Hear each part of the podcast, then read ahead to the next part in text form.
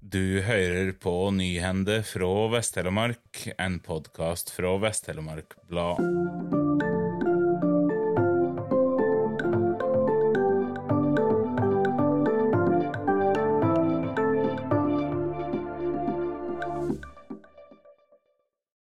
Bustadprosjektet som Skarve eiendom skal etablere i Kviteseid sentrum, har fått god respons, men utbyggeren trenger ett sal til før de starter byggearbeid i Grønlihagen.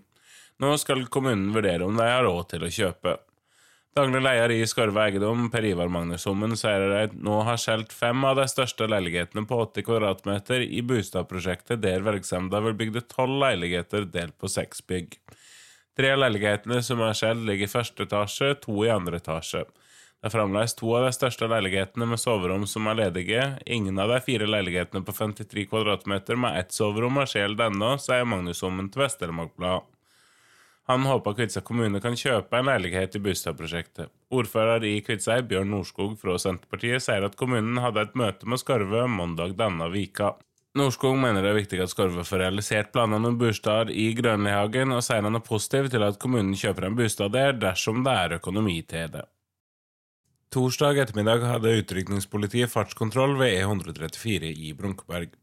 Resultatet av fartskontrollen var fem førelegg for høy fart. En fører blir også meldt, og politiet gjorde beslag av førerkortet etter vedkommende ble målt til 136 km i timen i ei 80-sone, melder Sør-Øst politidistrikt på Twitter. Dokke kommune trenger ny økonomisjef i full fast stilling.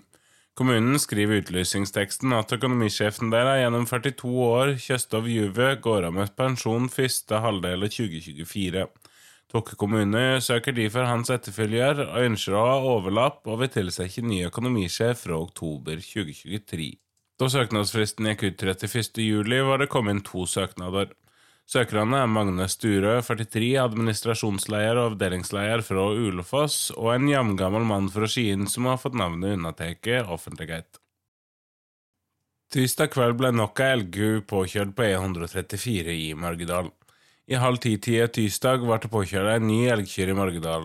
Den kom seg av gårde til skogs, men var funnet død etter et stort blodtap. Det var store materielle skader på bilen, men det gikk fysisk bra med personene som satt inni, som fikk en sjekk av ambulansepersonell, melder landbruksrådgiver i Kviteseid, Audun Åsmundstveit, til Vest-Telemark Blad. Fyresdal kommune sine seks år som omstillingskommune er snart over, og han som har vært omstillingsleder i flere år, slutter dermed jobben 31. august. I slutten av april vedtok et samrøstes kommunestyre i Fyresdal å opprette 100 fast stilling som næringssjef som løsning for det videre næringsarbeidet. Ved utlysing av stillinga meldte fire søkere seg. Den ene var Gerd Straume, bosatt i Lysaker.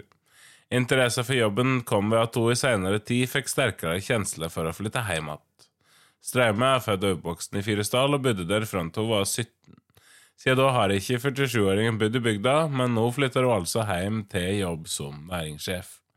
Jeg ble veldig glad for å få jobben, dette blir spennende, sier Straume til Vest-Telemark Blad.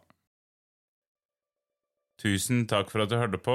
Denne sendinga var produsert og presentert av Aslak Ringhus for Vest-Telemark Blad, og musikken er laga av Symre Taugbølbang.